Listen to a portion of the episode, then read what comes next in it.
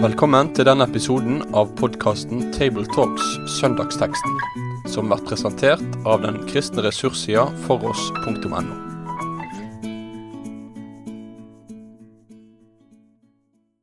Da er vi på Tryggheim skole på Nærbø, og det er Rogalandsgruppa som er samla for uh, Tabletalks.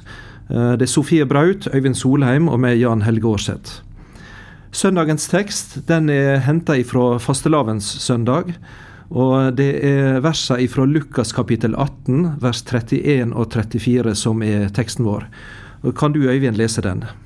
Ja, der står det slik. Han tok de tolv til side og sa til dem, Se, vi går opp til Jerusalem, og alt som er skrevet av profetene om menneskesønnen skal oppfylles. For han skal overgis til hedningene og bli hånet og mishandlet og spyttet på. De skal hudstryke ham og slå ham i hjel og på den tredje dagen skal han stå opp.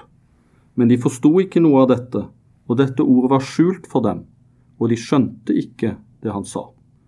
Slik står det. Skal vi kort be, takk Herre, for disse ordene må du åpne de for oss i samtalen. Amen. Ja, nå er det fastelavns eh, og eh, bibelteksten den er altså henta fra Lukasevangeliet, som eh, beskriver hvordan Jesus tar disiplene med inn i noe som de hadde vanskelig for å forstå. Eh, og Nå er det ikke første gangen Jesus tar opp dette temaet. her. Eh, hva var det disiplene hadde så vanskelig for å begripe og skjønne? og Hva, er liksom bakgrunnen og innledninga kan en si, til noe av det som Jesus tar opp her? Finnes, finnes den? Ja, altså Jesus eh, drar, tar dem jo til side for å lukke de inn i det som nå er hans store fokus. For det er jo tredje gangen Jesus eh, Det nevnes her i Lukas evangeliet at Jesus snakker med dem om dette. Og det er allerede i kapittel 9 i Lukas evangeliet, vers 22, at han snakker om det første gangen. Men særlig 9, Lukas 9, 51 eh, tror jeg er viktig, for der får vi se at Jesus han har nå retta fokus mot påsken og Jerusalem. For der står det sånn og det skjedde da det led mot tiden da han skulle opptas, da vendte han sitt ansikt mot Jerusalem for å gå dit. Fra nå av i Lukas evangeliet så er det tydelig at nå er Jesus på en måte i sinnet sitt, og faktisk også fysisk i vandringene sine, på vei til Jerusalem. Og ikke minst i, i, i sitt indre på vei mot påsken, mot lidelsen. Og det uttrykket som er brukt med å vende sitt ansikt mot, det er på en måte ikke bare nær sagt å vende seg mot Jerusalem som bønnested, eller slik som muslimene vender seg mot Mekka, men det er en viljeshandling, en besluttsomhet. Og i New International Version så står det 'Jesus resolutely set out for Jerusalem'. Og uttrykket er brukt også i Det gamle testamentet om når Gud har besluttet, vendt ansiktet mot noen med en klar beslutning. Så nå er Jesus i klar retning og går med åpne øyne inn i lidelse og død. Og så Når vi kommer inn i uh, våre tekst her fra Lukas 18, så er det vel heller da ikke første gang Jesus tar opp dette med disiplene sine. Det er vel uh, noe han har sagt til dem før, og, det er vel tredje gangen her uh, i evangeliet at vi møter dette. og da får oss denne kan du si at Jesus tar de tolv til sides. Han vil formidle og si noe nå som er veldig avgjørende og viktig. Både om hva som skal skje, og aller mest om hans person og tjeneste og betydning. Og Da får vi en gjentagelse av det du var inne på, Øyvind. Uh, se, vi går opp til Jerusalem. Mm, dette ordet med å se her, det er vel dette altså som en, på en måte at nå må oppmerksomheten rettes mot dette. Nå er det noe viktig som kommer. Mm. Et avgjørende punkt som Jesus vil lære dem. og for den som har vært i Jerusalem, så er vel det ikke vanskelig å skjønne akkurat dette med opp uh, i geografisk sett. Uh, jeg vet ikke om dere har fått vært på den plassen. Øyvind, du er ikke så lenge siden du var der. Ja, Det er ikke så lenge siden jeg var i Israel, men akkurat i uh, Jeriko-området, hvor det på en måte de startet oppstigningen, var vi ikke denne gangen. Men at det, når vi var i Jerusalem, så var du jo på høyden og du måtte oppover. Uansett hvor du kommer fra, så må du oppover til Jerusalem. Ja, og det Området fra Jeriko opp til Jerusalem er nokså uforandra si i dag. Det er et øde område. Det er bratt, det er svingete og kronglete. og og eh, Et område som også var relativt utrygt i perioder med tanke på både overfall og slik. Mm. Det er der denne fortellinga om den barmhjertige samaritanen er henta ifra. Uh, og den som står da nede ved Jordandalen og ser opp mot fjellet, så, og så ligger Jerusalem der oppe. Se, vi går opp til Jerusalem. Selv når du kommer fra vest fra Middelhavet, så er også stigninga der, om ikke så bratt. Og så går de opp til Jerusalem. Noe som vanligvis for en jøde ble kalt for en festreis. Da en skulle opp til høgtid og fest, og det var glede og forventning. Men Jesu reise er på en måte annerledes. Eh, det som vil møte han, er noe annet, og det er det han nevner for disiplene da. Eh, de ble like sjokka hver gang, ser det ut som. Ja, for Det er litt spennende akkurat jeg tenker på i møte med denne korte teksten. her, at eh, En stiller jo på en måte litt et sånn grunnleggende spørsmål òg med hvor, hvor, viktig egentlig vår forståelse av alt sammen er. Vi kan lett sitte med Bibelen og tenke jeg forstår ikke dette, og at liksom hovedpoenget er å forstå. Eh, Jesus visste nok at dette var ting som læresveinene hadde veldig vanskelig for å faktisk forstå. Det står jo understreket på en måte to ganger at eh, de skjønner ikke noe av dette, det var løgn for dem, de forsto ikke det han sa. Så det, det kommer veldig tydelig fram. Eh, og så tenker jeg at eh, kanskje et underliggende budskap her er jo det at all Jesu tale har så uendelig stor betydning utover det at vi på en måte forstår det, eller om vi forstår det eller ikke. Og Derfor er det nok òg at han, han, taler disse profetiske ordene, og er ordet og refererer til seg sjøl, eh, blir tala på en måte ut i historien her, eh, som stadfesting av disse her mektige eh, profetiene. Så han jo eh, på en måte sammenfatter her veldig kort, men likevel viser jo innsikten i på en måte hele den skjebnen som venter han. Ja, for når til sine tolv, de er jødiske menn som er vokst opp med skriftene og med lova og profetene og, og løfter som er gitt til Herren. Og ser i slutten av bibelteksten vår, så står det to ganger at de skjønner ikke noe av det. De skjønte ikke hva han sa. Det er gjentatt. Dette her er bare fullstendig eh, annerledes enn det de så for seg.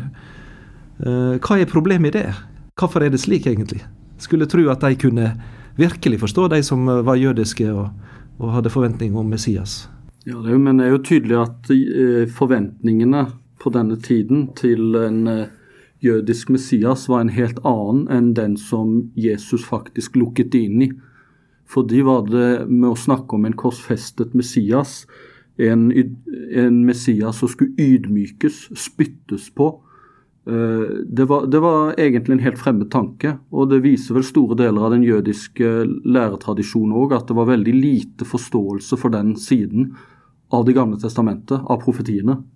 Hvis en tenker da, vel de var jødiske menn, og det, i den jødiske samtid da, og en kan kanskje si også nå, hva var det slags Messias de så for seg?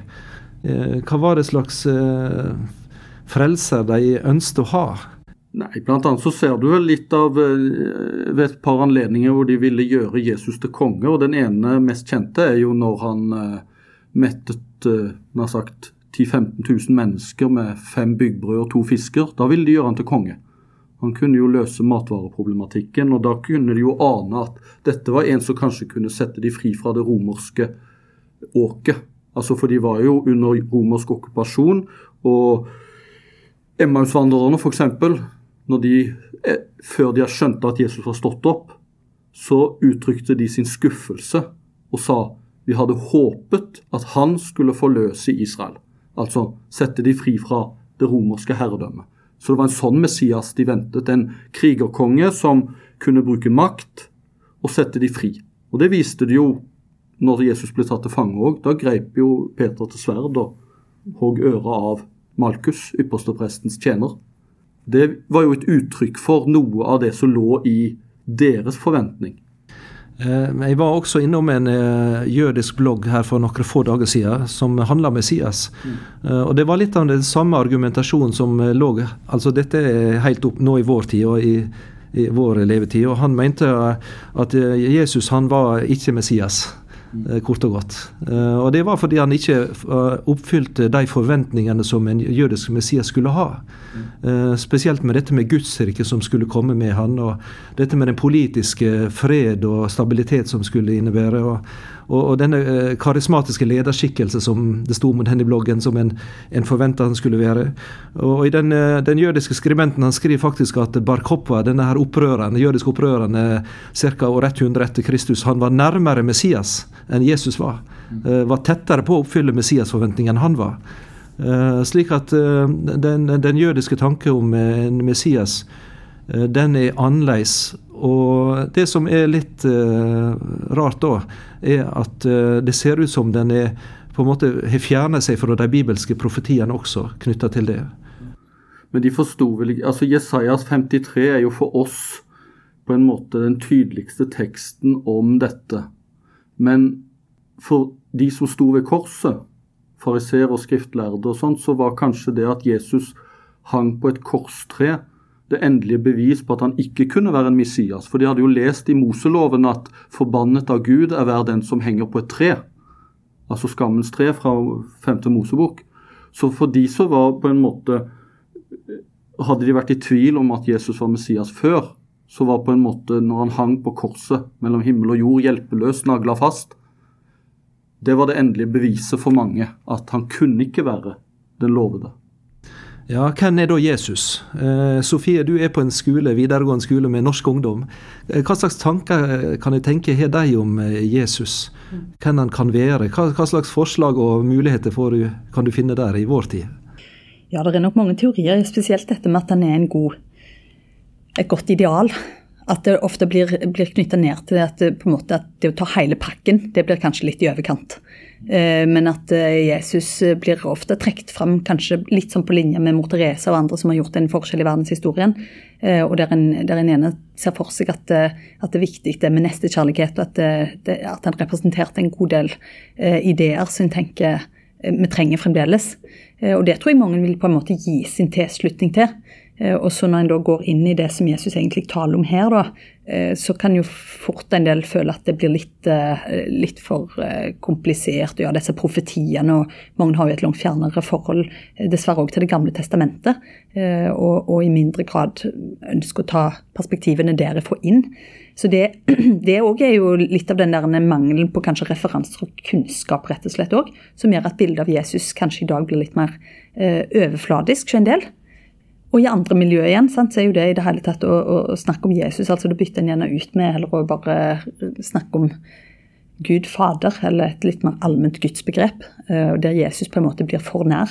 Uh, så, så, det bildet en har av Jesus i dag, ja, det, det, er jo litt sammensett, men jeg tror nok at det fort blir et moral, moralsk ideal uh, med en del gode verdier. Det du sier da, er på en måte at det at disiplene ikke forsto dette, eller ikke kunne ta dette inn over seg, det er veldig aktuelt i dag òg, egentlig. Jeg, jeg forstår det ikke i dag heller, dette med kors og lidelse. Nei, jeg tror det er veldig aktuelt fremdeles. Så, så er det jo veldig spennende egentlig å se hvordan, hvordan Jesus møter eh, disiplene her. Han, han, tar de til side, står det i vår tekst. Men hvis vi ser på den parallelle teksten i Markus, i Markus 10, eh, 32, så står det egentlig bare noe som fyller bildet litt mer ut. Og det står at læresveinene var urolige, og de som fulgte med, var redde.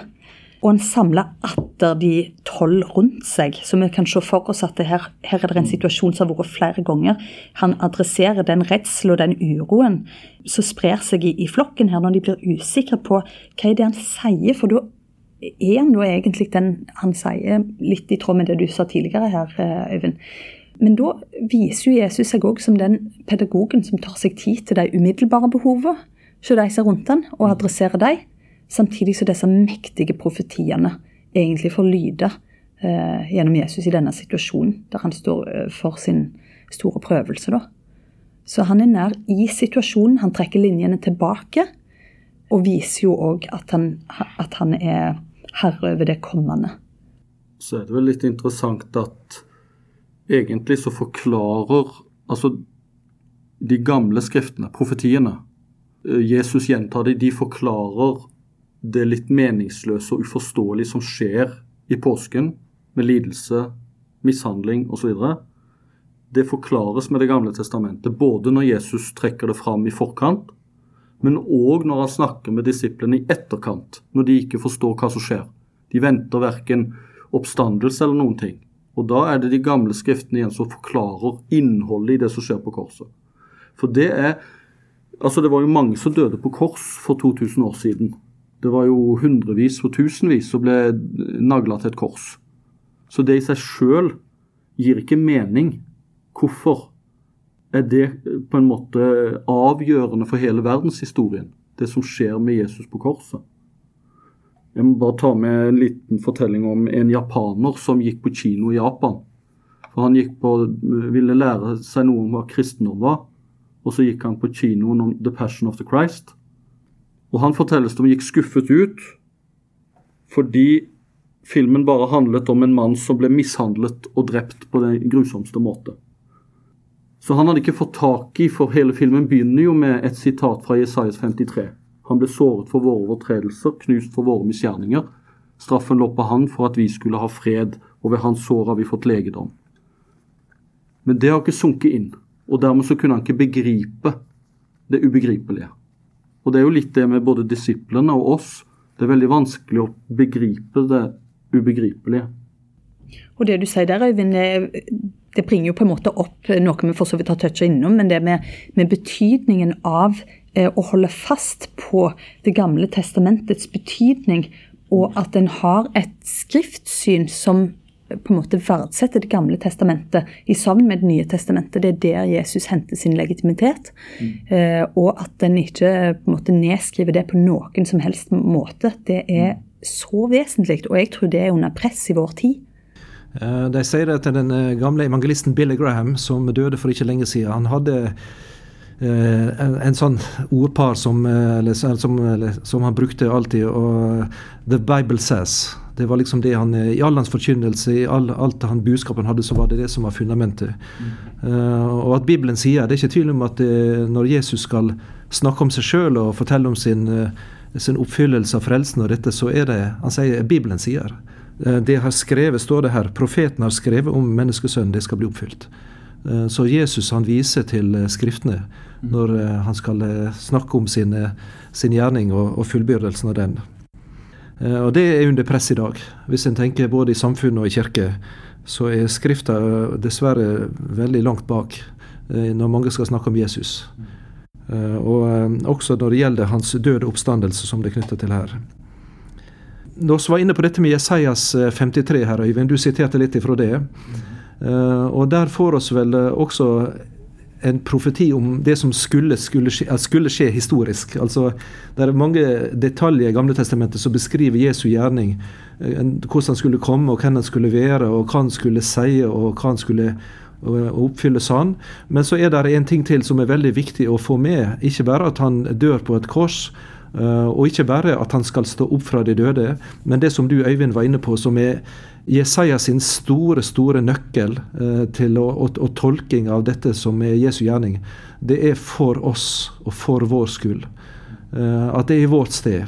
Det er vår straff han lei, og det er våre sår han ble, eh, som, som, som, han på en måte tok på seg, og vår byrde og straff. Så denne, Det er eh, profetien sin tolking av det som skjedde. Og i kjerna i evangeliet da. Eh, for Jesus han beskriver egentlig ganske rett fram det som skulle skje denne påsken. Det var ikke noen forsiktige hentydninger, det er direkte ord. Ja, han, eh, og, og, her hos Lukas sin versjon så er det jo veldig konkret både med spytting og spott og veldig Enda mer enn hos Matteus og, og Markus. Det er veldig konkret der. Og så er det jo fascinerende da å lese det, han, for, for, det er bare hos Lukas òg det står at det skulle skje som profetene sier. Uh, og, og, og, det er jo et poeng tydelig hos Lukas her. Og, og i Jesajas 53 så er det jo som om Jesaja som den femte evangelist så å si står ved korset. Og i vers 8 så syns jeg det er ganske fascinerende å høre hva Jesaja profeterer eller sier så å si presen, så si. Ved trengsel og ved dom ble han revet bort, men hvem tenkte i hans tid at når han ble utryddet av de levendes land, så var det for mitt folks misgjernings skyld plagen traff ham. Og det kan Vi jo se, vi ser jo ikke for oss at det var veldig mange som sto ved korset, som skjønte at når Jesus ble utrydda av de levendes land, altså drept, så var det for folks baktalelse, løgner, stjeling, mord, soldatenes brutalitet, disiplenes svikt, at han hang der og døde. Men det var som du sier, det var for nettopp oss. Og Der går jo på en måte en linje fra denne teksten da, egentlig, som jeg forstår det, til det du sier, Øyvind. At, at, her forstår de på en måte ikke når han omtaler det. Og ved flere anledninger òg så strever de med å forstå hva det egentlig er han sier. Og når det faktisk skjer, så forstår de det kanskje heller ikke fullt ut. Og, og det, det, er jo et Ja, det er jo bare litt sånn det er. En har tregt for å forstå hva som egentlig ligger i det, men allikevel så, så, er det det du sier, at det skjer for oss, og at det har uendelig mye mer betydning enn bare vår for, begrensa forståelse og fatteevne. Ja, altså Du Øyvind var så vidt inne på det i stad. I slutten av Lukasevangeliet, det aller siste kapitlet, så får du fortellinga om disse Emmaus-vandrerne. Mm. Og Da er det en oppstand i Jesus. Mm. Etter lidelsen og død, og etter oppstandelsen som møter dem. Eh, og eh, Du kan si Jesus sin løsning på deres fortvilelse og sorg og, og all denne uro som de, ikke, som de kjente på, dette de ikke forsto. Det er dette som han sier da i Lukas 24 mm, vers 25. Eh, hvordan skal vi forstå dette, og hvordan skal vi kunne gripe det? Da sa han til dem hvor uvitende det er, og hvor seinhjerta til å tru alt det profeten har talt. Laut ikke Messias lie dette også, og gå inn i helligdommen sin? Og han tok til fra Moses og fra alle profetene og la ut for dem det som er skrevet om han i alle skriftene. Så en kunne tenke at den oppstandende Jesus at han kunne liksom slått i bordet med et ekstra under og gjort noe ekstraordinært og prøvd å bevise ja, jeg er sannelig den som, eh, som er Messias, den levende oppstandende. Men han viser dem eh, til Skriftene, til og med etter sin oppstandelse. Mm. For det vet han at etter sin himmelfart så er det det som blir stående igjen.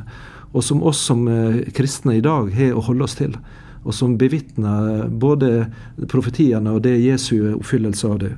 Eh, så Jesus sjøl, den oppstande, han viser oss som Guds barn til eh, oss som folk. Og, og den som leter og lengter og prøver å finne svar til profetiene og det som står der. Eh, og, og en skal tro det og ta imot det som det er. Eller så synes jeg det startet, altså Jesus gikk jo, hadde ansiktet vendt mot Jerusalem og var besluttsom i møte med det som skulle skje. Og så gikk han jo inn i profetene, eller i Det gamle testamentets ord om Messias. Og da synes det er flott å se at han i Lukas 22, 15 sier han har lengtet etter dette måltidet. For der feirer de jo et påskemåltid. Og påskefeiringen var jo en feiring hvor det var tiden for vår frihet, som de sa.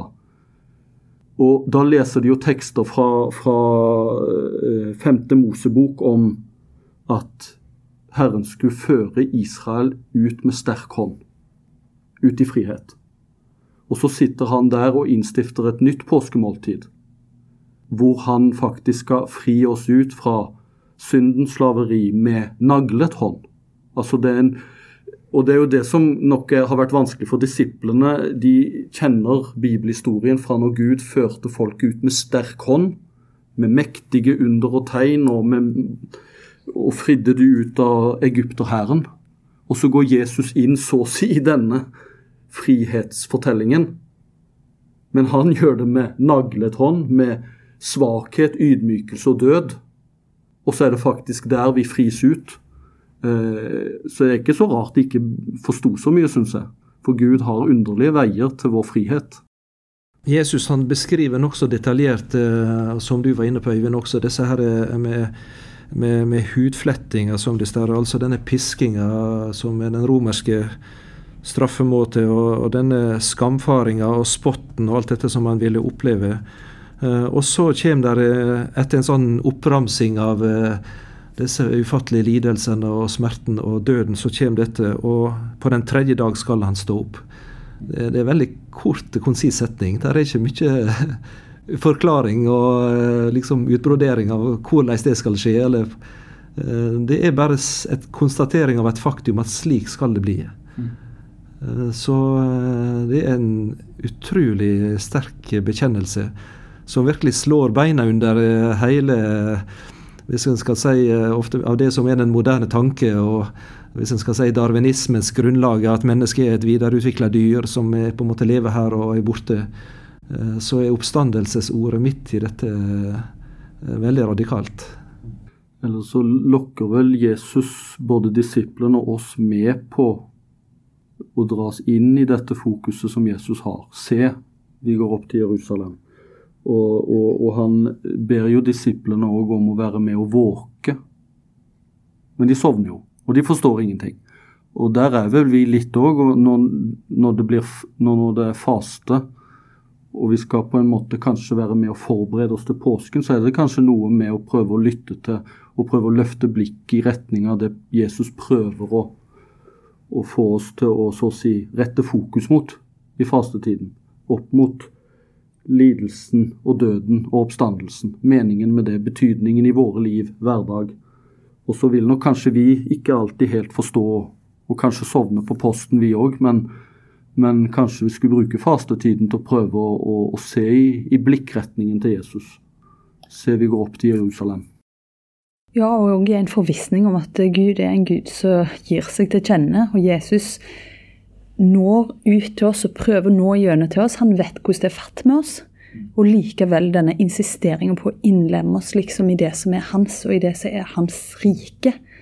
Og det er Nei, det er stort. Ja, og De som da ble med han opp til Jerusalem, mm. de eh, fikk høre de mektige ord. Det er fullbrakt. Det er fullført, det er komplett, det er ferdig. Eh, og det er et budskap som blir forkynt verden over. Mm. Til frihet for alle som vil høre og ta imot. Med det sier vi takk for følget for denne gang. Finn flere ressurser, og vær gjerne med å støtte oss på foross.no.